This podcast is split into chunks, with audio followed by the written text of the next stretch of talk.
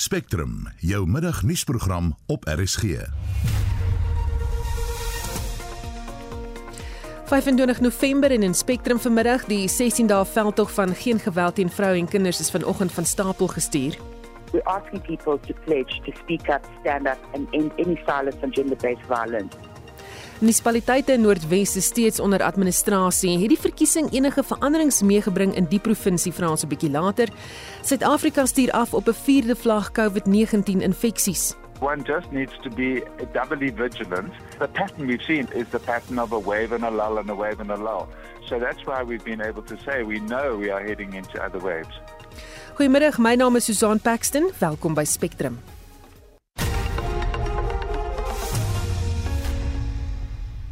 Dis nou 4 minute oor 12 jy luister na Spectrum. Die departement van gesondheid sal na verwagting vanmiddag die pers toespreek oor die moontlikheid van 'n nuwe COVID-19 variant wat in die land gevind is.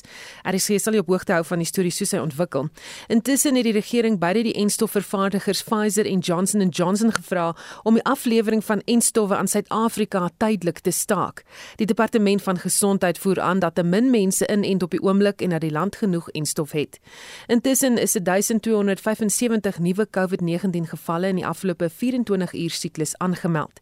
Die waarnemende direkteur-generaal van die departement van gesondheid, Dr. Nicholas Crisp sê, dit is duidelik dat die vierde golf van COVID-19 infeksies besig is om momentum op te tel.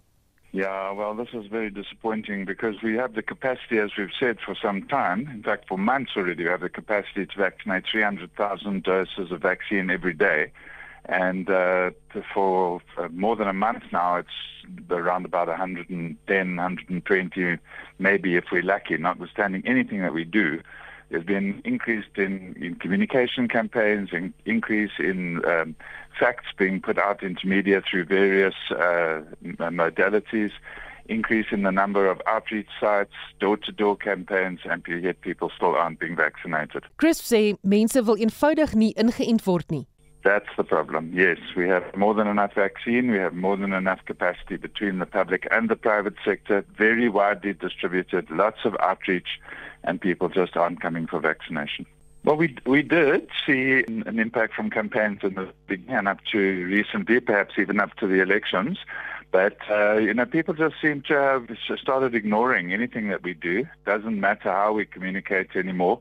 Even the boomer vaccination campaigns have very poor turnout even on a Saturday when one would expect that people are not at work and might be able to just pop into one of these, as we call them, pop-up vaccination sites.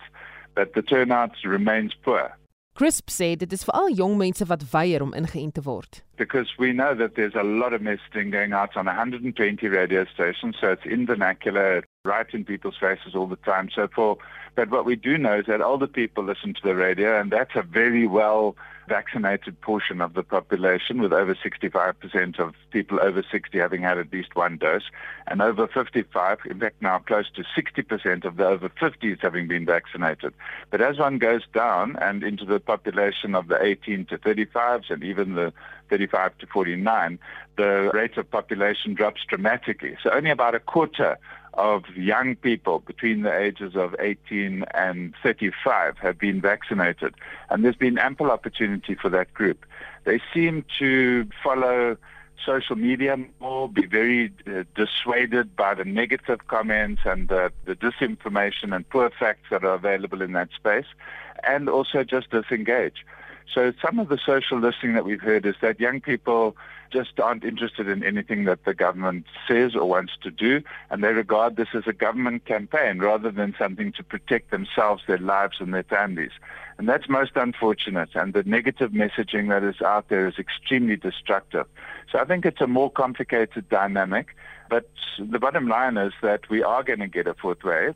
We are seeing an uptick, so we can expect that at some point we're going to start to enter a dangerous period, and people need to get vaccinated to protect themselves. Hy sê dit is ook die groep wat nou baie siek word en in die hospitaal opgeneem word. This week we've been hearing stories, um, and it's anecdotal at the moment. We're getting more and more data that uh, a large number of children and young adults are being uh, admitted to hospital, unvaccinated, and very sick.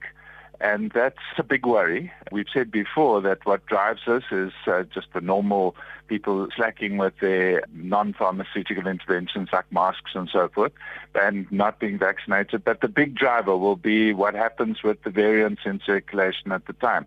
So one just needs to be doubly vigilant. And it's a, it's a, you know the pattern we've seen is the is the pattern of a wave and a lull and a wave and a lull. So that's why we've been able to say we know we are heading into other waves. We've seen that that's what's happened in Europe. Why would it be different here? So yes, indeed, it's uh, you know we are we are very concerned that we might end up with a lot of very sick people over Christmas and jamming up the hospitals again. Crisp sê dat niks van die enstof wat reeds in Suid-Afrika is verlore sal gaan nie. Well, we will use everything. You know, these uh, vaccines have got a long expiry. They're, most of them are in central storage. They're not distributed out, so their lifespan is long. So we have uh, about 18 million doses in the country at the moment, which is enough for a very long time. We are, uh, as I think everyone knows, giving boosters to healthcare workers, and additional doses will be available to people with immunocompromised conditions in the weeks ahead. And there will no doubt be various other booster opportunities rolling out in the week and months ahead. En dit was die waarnemende direkteur-generaal van die departement van gesondheid Dr Nicholas Crisp.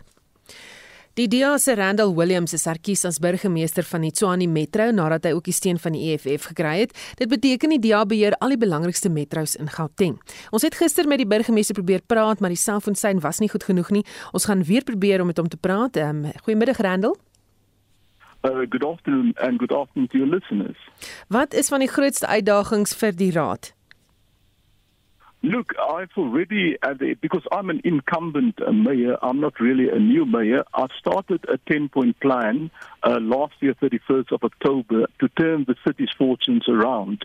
And I will be continuing to implementing that plan. And it's largely based on uh, turning the financial situation of the city around, uh, delivering uh, good quality basic services, and also investing in the infrastructure like electricity and water infrastructure in the city. En dan die verkiesing uh, van jou weer as die burgemeester en die ondersteuning wat jy ontvang het, is daar koalisies waaraan jy nou gaan gaan? Yes, um you know uh, uh, politics in South Africa have entered a new era. We actually where Germany was in the late 40s. Coalition governments in Germany started in the late 40s and yesterday uh, the new chancellor Chancellor Scholz uh, uh, was announced that he was going to uh, become the new chancellor. But his party got most of the votes, but they never received a majority of votes. And it took them two months to put a coalition agreement together. Now, in terms of our legislation, the parties of Africa only have two weeks, and that that is certainly not enough. So we are still continuing with uh, with coalition negotiations. En sê vir my, wat is die plan om te verseker dat daar nie weer soortgelyke ontwrigtings is soos dit wat die stad ervaar het voorheen nie? Well, that's why we're trying our best to put together a a coalition majority uh, because 2016 upwards we've been ruling with a minority government and it proved to be very difficult where we had to rely on the EFF. And uh, for the 12 months prior to the elections, uh, uh, since I became mayor, I ran a minority government, but I was not reliant on the EFF. Uh, I was actually reliant on all other parties in council, and I would regularly uh, consult with all the political parties. And because of the experience we went through, uh, being placed under administration by the provincial government, all the parties worked together well, and we put the interests of the residents first. Het jy lesse geleer uit die vorige termyn uit? Well, definitely. It's just not for one party uh, to run the city. All parties have to participate in council, and all parties will have to display goodwill and put our differences. Yes, in council we disagree, but that's that's uh, the way things go in council. But at the end of the day, we have to remind ourselves that we are there to serve the interests of the residents. Baie dankie. Dit was Randall Williams, burgemeester van die Tshwane Metro. Die minister van Vroue Sake, die jeug en mense met gestremthede, Mahiti Nkwane Mashabane, het vanoggend die 16 dae veldtog van geen geweld teen vroue en kinders van stapel gestuur. Sy het in Pimville in Soweto gepraat. Die menseregte organisasie Amnesty Internasionaal in Suid-Afrika het reeds vroeg vanjaar sy veldtog teen geslagsgebaseerde geweld begin. Die organisasie doen 'n beroep op landsburgers om geweld teen veral vroue en kinders te ontwrig en Marlenae Forsie het meer besonderhede. Met die hitsmerk Interrupt GBV neem Amnesty International sterk standpunt in teen geslagsgebaseerde geweld, of dit nou teen mans of vroue gepleeg word. Die woordvoerder Genevieve Quintal sê die veldtog verbind deelnemers daartoe om aktief teen skadelike gedrag op te tree. We're asking people to pledge to speak up, stand up, and end any silence on gender based violence, to interrupt derogatory conversations, language, and jokes, both on and offline. To interrupt the cycle of violence by educating their peers, the younger generation, on what behavior is and isn't acceptable. And also to make sure we're having conversations with friends, families, peers, colleagues, and neighbors on how behaviors need to change. Because gender based violence can't only be fixed by the state, there needs to be a mind shift within society. Die sterk bewoording wat in die en ander van die organisasie se veldtogte gebruik word, is doelbewus gekies. Amnesty International is all about people power and empowering people to stand up for their rights, to demand that those rights are given to them, especially rights that are enshrined in our Constitution.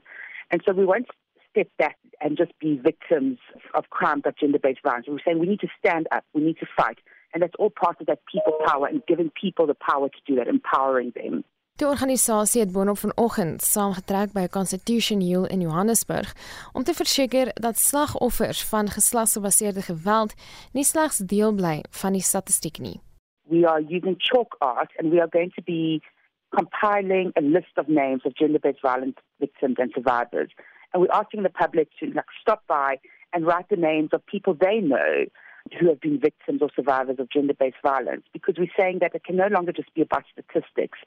And that's part of our campaign. We've got a hashtag, not just the number. These are people with an identity, with families, and we need to remember these people and not just see them as statistics. Dit was Amnesty International in Suid-Afrika se woordvoerder Genevieve Quintal. Marlene Forsie kan nuus. Talle slagoffers van gesinsgeweld voer nie hulle klagtes by die polisie deur nie omdat hulle soms gedwing word om teenwoordig te wees wanneer die polisie 'n beskermingsbevel aan die verdagte oorhandig. Aktiviste sê vir baie slagoffers veroorsaak die indien van 'n klagte oor gesinsgeweld dikwels bykomende trauma. Jomari Verhoef berig. Die wet op gesinsgeweld stel slagoffers in staat om 'n beskermingsbevel teen 'n lewensmaat of 'n ander familielid wat jou fisiek mishandel te bekom. Die uitvoerende hoof van die Mosaïek Opleidingsentrum, advokaat Tarisai Mququ, sê die wet maak ook voorsiening vir gevalle van emosionele of finansiële mishandeling.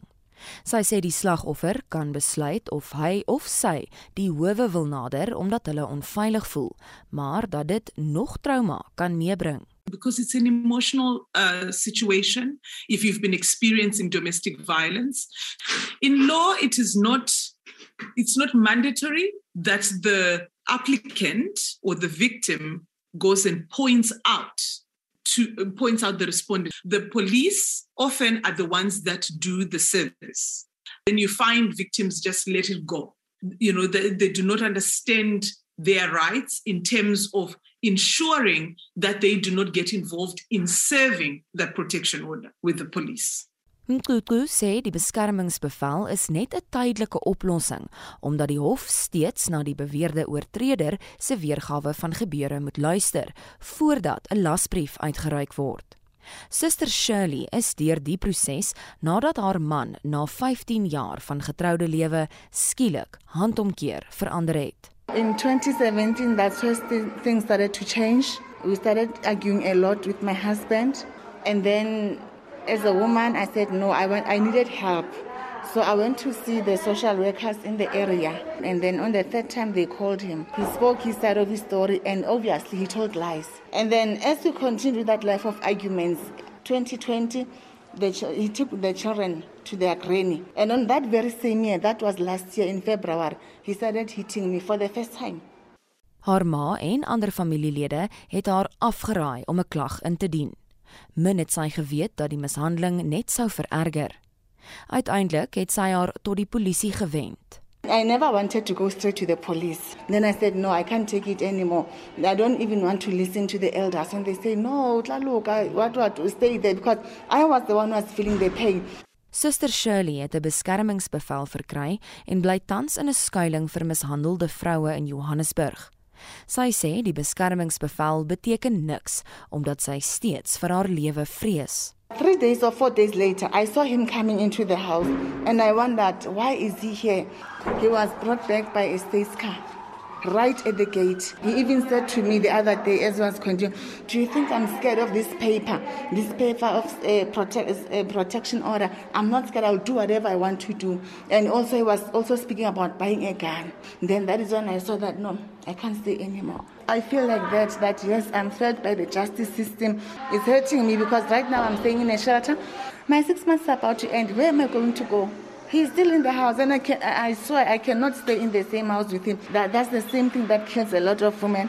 Advokaat Ntutlu sê die regsproses kan nogal intimiderend wees en tot verdere victimisering lei.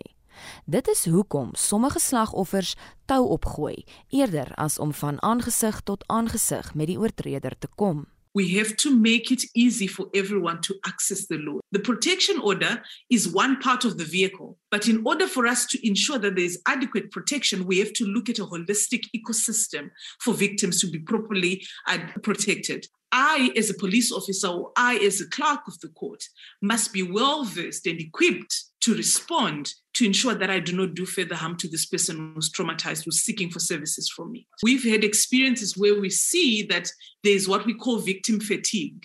But each person who presents at court has their unique story. And that's how we can create a victim centric support service to ensure we're actually effecting protection. But if we don't have those supportive mechanisms as well, then we have that, you know, the situation we are always talking about that women are dying protection orders in their hands. Vincentia Dlamini van Women and Men Against Child Abuse sê wetstoepassers wat klagtes van gesinsgeweld swak hanteer, moet tot verantwoording geroep word. So there is sensitivity, it's needed. Number two, it's accountability. People need to be reported and people need to be disciplined. So that will ensure that people do what is expected. And if they don't, then there will be repercussions. So they have no choice but to create that safe space for women. Slagoffers van gesinsgeweld soos Suster Shirley hunker na 'n veilige verhouding, 'n veilige huis en meer empatie van die regstelsel. Die verslag van Paul Magubane, ek is Jean Marie Verhoef vir SAK nuus. Die ANC is op soek na partylede wat 'n EFF lid as spreker in Mamusa munisipaliteit in Swaziland ingestem het eerder as hulle eie kandidaat. Gerigte wil dit hê dat die ANC-lede vir die EFF gestem het uit protes teen die ANC-kandidaat. Dienslewering in die Noordwes is al 'n geruime tyd baie swak en meeste munisipaliteite in die provinsie is onder administrasie geplaas. Vir sy indrukke oor die situasie na die verkiesing praat ons met die politieke en beleidsontleder van die Noordwes Besigheidskool Theo Venter. Goeiemôre Theo. Hallo Susan. Was daar 'n drastiese verandering in leierskap in munisipaliteite in Noordwes na hierdie verkiesing? Nee, nie werklik nie. Die die groot spelbreker in hierdie verkiesing ehm um, vir Noordwes sowel as die Vrystaat en 'n paar soortgelyke provinsies was natuurlik die lae stemtempo, want dit het die ANC se posisie geweldig verswak in die in die Noordwes provinsie. En ehm uh, dit is die interessante uitkomste wat ons nou kry waar die ANC telkens met kleiner marges die oorwinning behaal het en en twee dorpe wat uitstaan hier, hier ten opsigte van is natuurlik ehm um, Rustenburg en Potchefstroom die die JB Marks uh, munisipaliteit. Maar ehm um, ek dink nie die proses ehm um, gaan hier eindig nie. As 'n mens mooi kyk na die daling in stemtempo in Noordwes, het dit al in 2016 begin en dis voortgesit in 2019 se nasionale verkiesing en het verder gedaal in hierdie verkiesing. So dit lyk vir my hier is 'n tendens van 'n dalende um stemtempo en 'n dalende stemtempo is vir die ANC baie slegte nuus. Hulle hou van 'n hoë stemtempo want dit verseker hulle um oorwinnings in al die plekke waar hulle staan. Sê vir my, uh, jy weet wat is die situasie byvoorbeeld in Rustenburg? Wel, in Rustenburg um, was my ehm um, uh idee dat die ANC dit nie gaan maak nie, maar uiteindelik het die ANC soos op 'n paar ander plekke koalisies gevorm met die Patriotic Alliance en hier en daar informeel met gemeenskapsgroepe selfs hier en daar by die EFF soos wat ons in Swaziland of Mamusa gesien het. So dit is 'n vreemde mengsel van plaaslike politiek sowel as provinsiale politiek wat dit baie moeilik maak om 'n eendragtige of 'n soort van 'n uh oorsigtelike siening te gee wat geld vir die hele provinsie. En Potchefstroom? Wel in Potchefstroom het die het die totaal het die ANC minder gehad as wat hy moes hê. In Potch moet jy 34 ehm um, setels hê om 'n uh, om 'n meerderheid te hê en hulle het net 33 gekry maar met behulp van die weer eens die Patriotic Alliance het hulle dus 'n oorwinning behaal en het die ANC dis nou al drie die belangrikste poste in die dorp, maar dit is 'n baie klein oorwinning en dit is 'n marginale oorwinning met 'n redelike sterk uh oppositie wat ehm um, duidelik goed saamwerk en dit gaan dus nie maklik wees om te doen wat in die verlede gedoen is nie want ons ons moet onthou dat die provinsie was in 'n baie baie slegte toestand voor die verkiesing. Een van die rade, een van die 22 is totaal ontbind gewees. Dit Swahing, Delareyville, Sannieshof het hulle die raad totaal ontbind en na die verkiesing is al hierdie nuwe rade nou gekonstitueer. Wat nog moet gebeur is die 4 distriksrade moet nou saamgestel word nadat die 18 munisipale um, rade saamgestel is sodat die ANC kan doen wat hulle beloof het voor die verkiesing en dit is om met die distriksontwikkelingsmodel te kan begin. Die distriksrade gaan krities wees in daardie amper um, herlewingsmodel wat hulle in gedagte het vir plaaslike regering. En het jy enige hoop dat dit gaan werk? Kom ek sê vir jou, ehm um, voor die verkiesing het die ANC baie gepraat landwyd oor hoe hulle nuwe raadslede gaan kies wat minder korrup is en wat meer gekwalifiseerd is en hulle het 'n klomp sulke soort beloftes gemaak. Die uitkoms van die verkiesing, naamlik dat die ANC aansienlik slegter gedoen het as wat hulle self gedink het, beteken die ANC is nie nou in 'n in 'n herlewingsmodus nie. Hy is in 'n oorlewingsmodus. Met ander woorde survival teenoor re-engineering en dit is 'n baie groot verskil en as jy in oorlewingsmodus is dan kyk jy 'n bietjie anders na die toekoms. Die die provinsie het byvoorbeeld gister besluit dat al die munisipaliteite wat voor die verkiesing onder administrasie was, nou uit administrasie sal kom behalwe die rade wat in groot finansiële ehm um, uh moeilikheid is. Hulle sal nog steeds met die met die helpende hand van die provinsie geregeer moet word. Jy het genoem die Vrystaat, wat gaan daaraan? Ja, die Vrystaat het daar ook nie veel verander nie en vir my was die die groot nuus in die Vrystaat vir my was dat die ANC lede wat gedoen het wat van die ANC-lede in Mamusa gedoen het, naamlik om vir die oppositie te stem. Hierdie groep het in 2018 saam met die DA teen die korrupte raadslede gestem wat in in baie noue verhouding met Ysmagashule was. Hulle is toe geskort, onseremonieel en hulle het die Maluti Apafung 16 ehm um, party gestig en 28% van die steun gekry in die verkiesing en saam met die DA en die Vryheidsfront en 'n paar ander kleiner partye het hulle nou die beheer van ehm um, Harry Smit ehm um, die hele Maluti Apofung streek wat Kestel insluit en Pula di Chaba oorgeneem.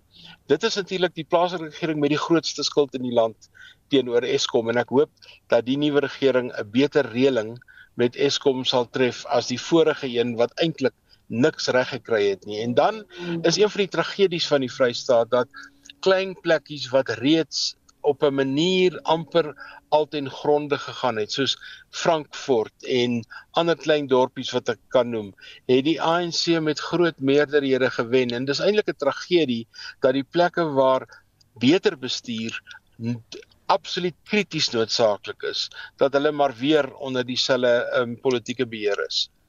Baie dankie. Dit was die politieke en beleidsontleder van die Noordwes Besigheidsskool Tieu Venter.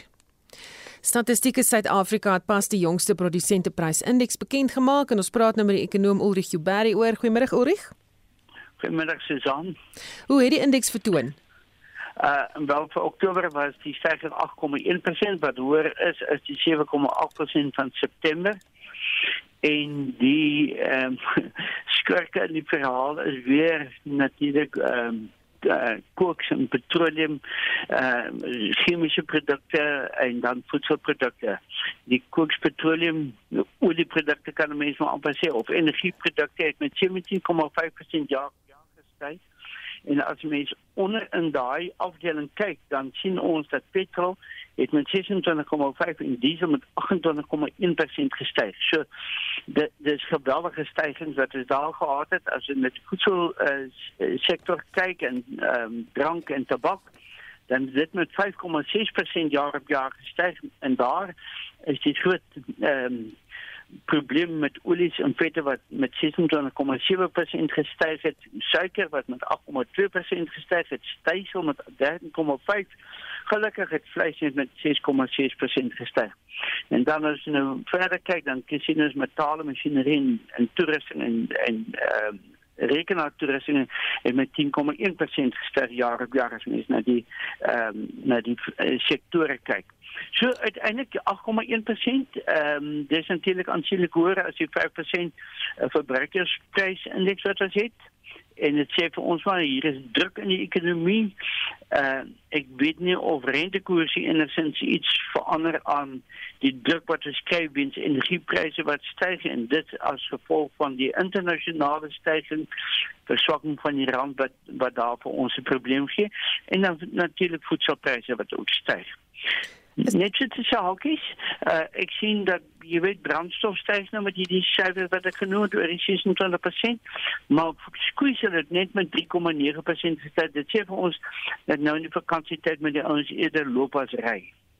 Daar sê en op daardie noot en met daai goeie raad gaan ek jou groet. Dit was die ekonom Ulrich Huber.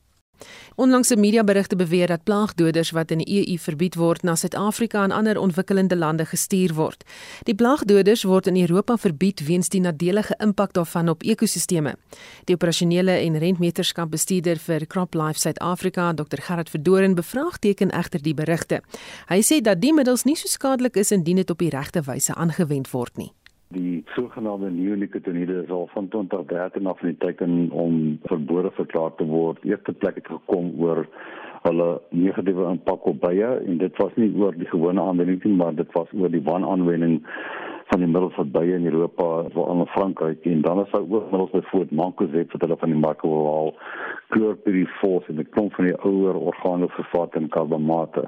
Van die middels op die EU se swartlys maak volgens hom sin omdat dit oud, uiters giftig en gevaarlik vir mense is. Hy waarsku egter dat Europa en Suid-Afrika nie met mekaar vergelyk kan word wat die gebruik van plaagdoders betref nie. Europa is 'n baie gematigde klimaat met heeltemal ander landboukultuur en as wat Suid-Afrika is en ons landbou leef in 'n baie harde klimaatomstandigheid met ander gewaskomplekse en ander plaagkomplekse wat voorkom in Europa. En jy kan nie bloot net sê dat omdat iemand nou iets in Europa uit die mark haal, dit kan in Suid-Afrika gebruik word nie want ons sit in 'n baie warmer en droë klimaat waar die afbraakkurwe onder andere van baie plaasdoders baie vinniger en baie meer effektief gaan wees as wat in Europa plaasvind. En omdat ons nie werklik hierdie klein stukkies grondjies waar elke boer sit op 20 hektaar en ons boere boer op letterlik 100 tot 1000 hektare. Hy waarsku verder teen die EU se doel om soveel as moontlik chemiese vorms van plaagbeheer uit die mark te haal. Die insekbevolkings en die nematodes en die ander artropode wat plante aan of veroorsaak nie alleen letsels en veruitwassing van 'n klomp van die gewas nie, maar ook van die skaadplek veroorsaak dit patogeniese infeksie van swamme en baie van die swamme wat op plante voorkom dra mikotoksine wat vir die mens uiters giftig is. So jy kan nie vir my kom vertel jy gaan wegbeweeg van plaagdoders af nie. Hulle oogmerk is om te kom by 'n plek wat hulle geen chemiese plaagbeheer wil toepas nie. Al moet organiseer. Ek kom net vir toe gaan trek. Ons sit in die wêreld met ons gewasse wat ons teer produseer. Is almal fyn gepeelde monokultuurgewasse en probleem daarmee is die gewasse het deur die jare hulle weerstand teen peste, plante, siektes en onkruide ingeboet en nou by die mense dit goed help om die gang te bly. Sou Suid-Afrika vandag besluit om alle chemiese produkte te verbied, sy voedselproduksie gaan daal en voedselkoste sal die hoogte inskiet. Uiteindelik gaan dit alles oor verantwoordelike plaagbeheer. Daar's definitief gevalle wat ek weet wat ek self ondersoek het waar presente neonikotinoïde onwettig gebruik het wat baie doodgemaak het, maar ons het nooit die probleem gehad waar die neonikotinoïde in stofwolke die hele Frankryk volgevlieg het en die baie uitgewis het nie. Ons altyd baie meer verantwoordeliker en veiliger in Europa gewees en hulle moet maar die vinger self wys na Europa toe. En op die vinger wys na Afrika toe vir ons die slegte ons maak. En wie ook al sê dat Europa kom dan chemikalie in Afrika wat absolute totale twak in ons aan dis al wat ek kan sê. Dit was die operasionele en rentmeesterskap bestuurder vir CropLife Suid-Afrika Dr Gerard Verdoon Marlene Forsie is hy kan nuus Die DA-voorsitter in KwaZulu-Natal, Dean McPherson, glo die ANC het kleiner politieke rolspelers met geld omgekoop ten einde die eThekwini munisipaliteit voor die DA se neus weg te raap. Hy het met Hendrik Weingart gepraat na aanleiding van 'n tweet wat hy hieroor geplaas het. McPherson gee toe dat hy nie self enige bewyse het oor die ANC se beweerde omkopery nie. Hy sê hy het wel die inligting van betroubare bronne bekom. And we have it from very reliable sources that the ANC instructed the tenderpreneurs in the uh, city of Durban, uh, which is quite frankly now the tender capital of South Africa, to stump up cash in order to secure their contracts going forward. We had a number of smaller parties, one and two person parties, approach us to tell us that they had been solicited by the ANC with cash to support them, which they turned down. We also have the IFP that's got on record to say that they were offered cash by the ANC to support them. So, very clearly, there is a substantial evidence to suggest that the ANC was dishing out large amounts of money to secure the municipality. And the biggest loser at the end of the day is the residents of eThekwini who have to put up with a government that they did not vote for, which was propped up by people that said that they were going to vote the ANC out of power. McPherson glo dit is die plig van diegene wat deur die ANC genader is om dit by die polisie aan te meld. Well, they would need to be able to provide that proof, and they need to provide that proof, and then they would need to go and report that to the police. McPherson sê die DA is tevrede met sy prestasie in die afgelope plaaslike verkiesing in KwaZulu-Natal. Absolutely. I think that the DA, as our federal leader, John Steenhuisen, has said that we got out of jail, but we remain on parole. And we need to ensure that uh, we continue to consolidate and build forward towards the 2024 elections. I think it's very positive to have seen the response and the support that we got for our mayoral candidate, Cole Graham. Uh, the DA only had 59 seats in the council. She got 104 votes, and that's positive. And never before have the ANC been brought to the brink of having to win by only nine votes and behave in the manner in which they did. Hy sê hy glo nie dat die omstrede Phoenix plakate die party benadeel het nie. In Durban the DA performed quite well and it's not because of those posters. I think that we've made our point clear on that. Uh, I don't need to go back into it, but I think that there were a number of reasons why we may not have got to where we wanted to be and you know the DA continues to build away from some of the mistakes that were made in 2019 we have to put that behind us and we have to uh, focus on the future. Dit was Dean McPherson, die DA se provinsiale voorsitter in KwaZulu-Natal. Hendrik Weingart, SAK-nuus. Die omstrede burgemeester van Kanaland in die Suid-Kaap, Jeffrey Donson, volhard daarmee dat hy onskuldig was in die saak van statutêre verkrachting waarna hy in 2008 skuldig bevind is. Sy aanvanklike vonnis van tronkstraf is op appel ten volle geskraap. Hy se boete opgelê en moes 'n rehabilitasieprogram vir seksoortreders ondergaan.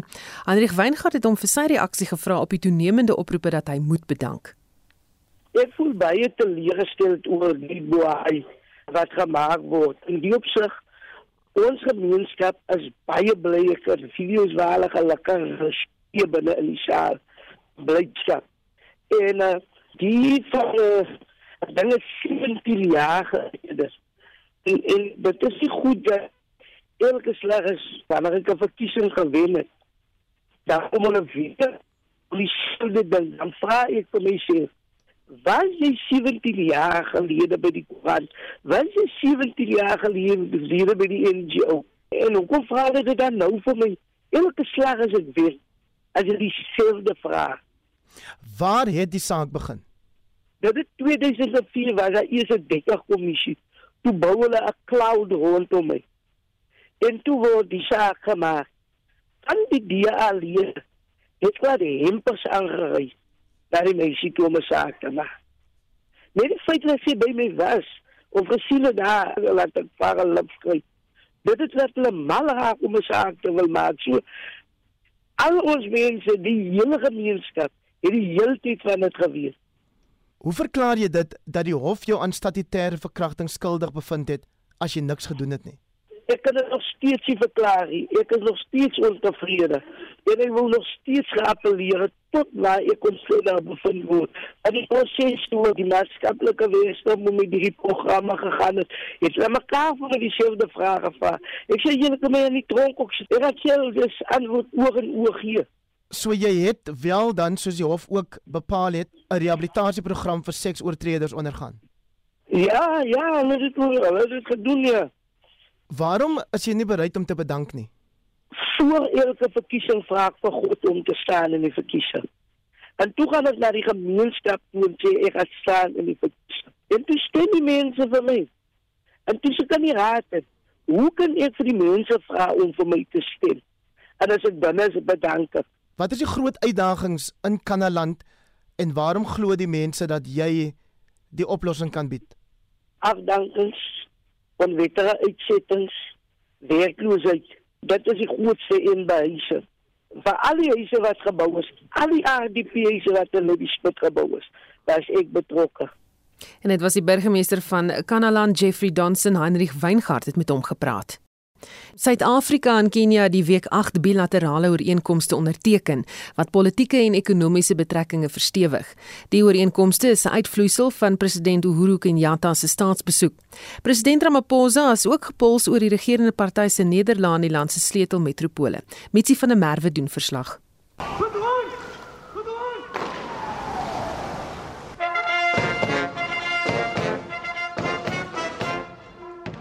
Dit is 'n politieke en diplomatieke verhouding wat reeds 3 dekades terug begin het.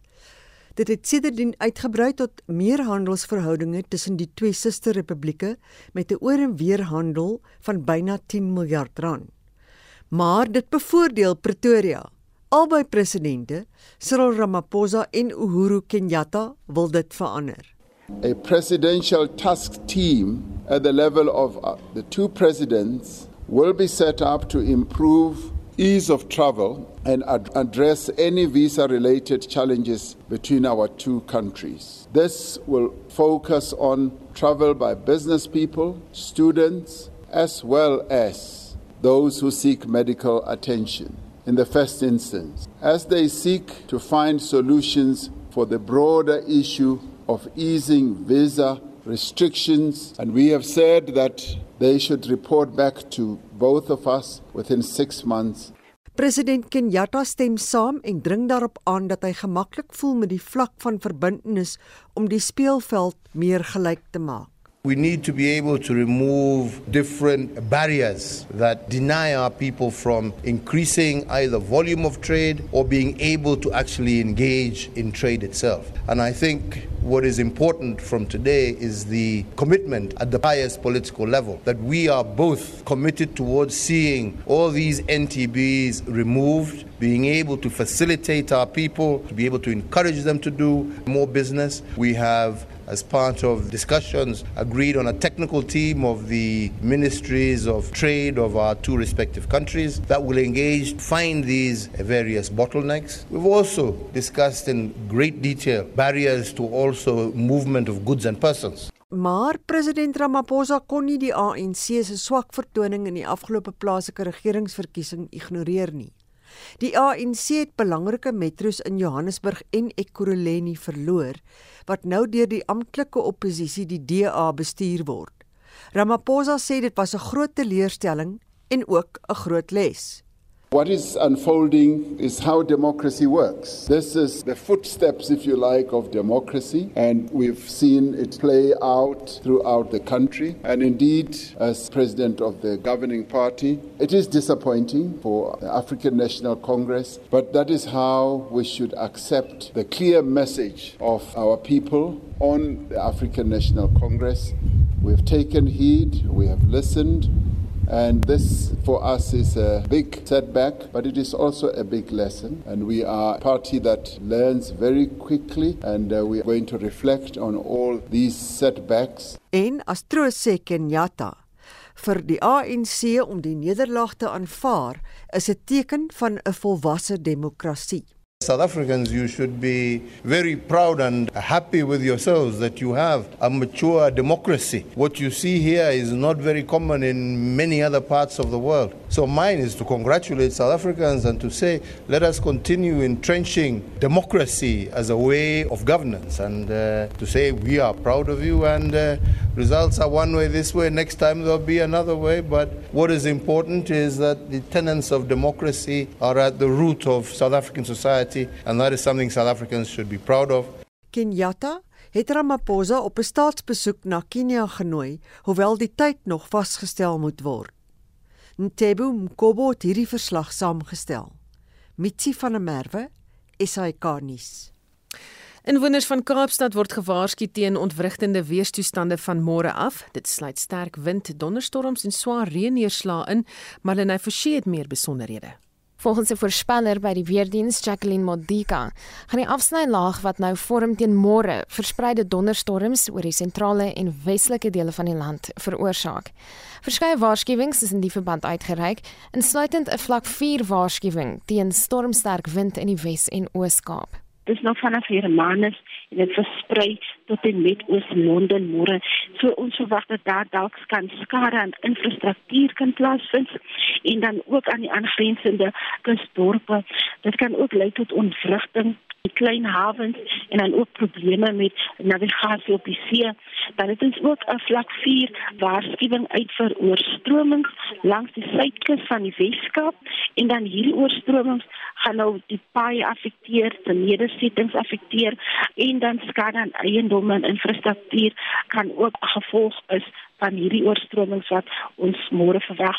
Sy waarsku verder teen sterk ontwrigtende wind in die binneland 'n moontlikheid vir vervallende bome en ook stofstorms veral oor die Noord-Kaap se binneland.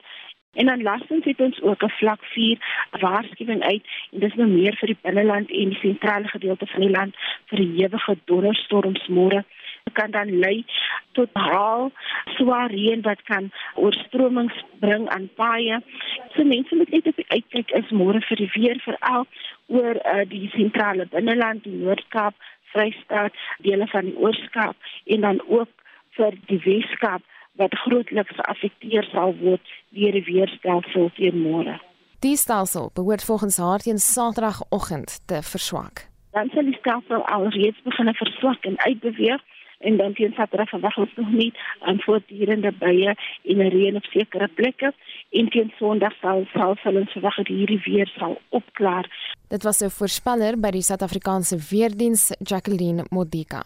Geen waarskuwings of weerwake is uitgereik vir die oostelike dele van die land nie. Marlene Forsie kan nuus. Nou ja, dis 12:56 en Marlenae Forsie is gereed met die afgelope uur se hoofnuus en stories wat nog ontwikkel Marlenae. Een van haar stories is die minister van gesondheid Dr. Joe Pahla wat na verwagting binnekort 'n media-konferensie hou oor die COVID-19 pandemie. Dit volg op 'n skerp toename in COVID-19 gevalle in die land en media-berigte oor 'n nuwe supervariant wat in Suid-Afrika, Botswana en Hong Kong geïdentifiseer is.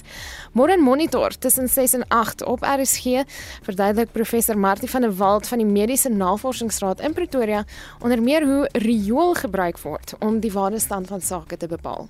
Rioolwater is 'n baie betroubare sein wat vooraf waarsku wat ons in kliniese gevalle gaan sien. Die afgelope 2 weke het ons gesien dat die vlakke nie dieselfde is as na ons die derde golf gesien het nie en ons het begin vermoed dat ons dalk vroeër in die vierde golf gaan wees as wat almal vermoed het in Desember en Januarie. Ons glo ook dat hierdie stadige begin toename in COVID-19 vlakke heel moontlik gewys dat hierdie nuwe variant in sekere van die metro's teenwoordig was nog voor ons dit in kliniese gevalle kon wys. President Cyril Ramaphosa gaan ook na verwagting om 2 uur vanmiddag mondelinge vrae in die nasionale vergadering beantwoord. Kwessies wat bespreek gaan word sluit in die Eskom krisis, die oorgang na skoon energie en dienslewering. Die DA se Randall Williams is herkies as burgemeester van die Tshwane Metro dis nou nadat hy die steun van die EFF gekry het om so te maak. Hy het vroeër in Spectrum gesê hy gaan voort met sy 10-punt plan om die stad om te keer. It's largely based on turning the financial situation of the city around, delivering good quality basic services, and also investing in the infrastructure like electricity and water infrastructure in the city. En op die eerste dag van 16 dae van aktivisme teen geweld teen vroue en kinders, vra die menseregte organisasie Amnesty International in Suid-Afrika dat die verskynsel ontwrig moet word. interrupt derogatory conversations, language, and jokes, interrupt the cycle of violence by educating the younger generation on what behavior is and isn't acceptable. And also to make sure we're having conversations with friends, families, peers, colleagues, and neighbors on how behaviors need to change. En dit was die woordvoerder vir Amnesty Internasionaal in Suid-Afrika, Genevieve Quintal. Ons gaan deur die loop van die volgende 16 dae heelwat aandag vestig op geweld teen vroue en kinders, maar ook mans. Dankie, dit was Marlenae Forsie met die afgelope uur se hoofstories en stories wat nog ontwikkel. Ons het namens ons uitvoerende regisseur Nicoline de Wet, die redakteur Justin Kennerly en produksieregisseur Mark Praller, ek is Susan Paxton. Geniet jou middag.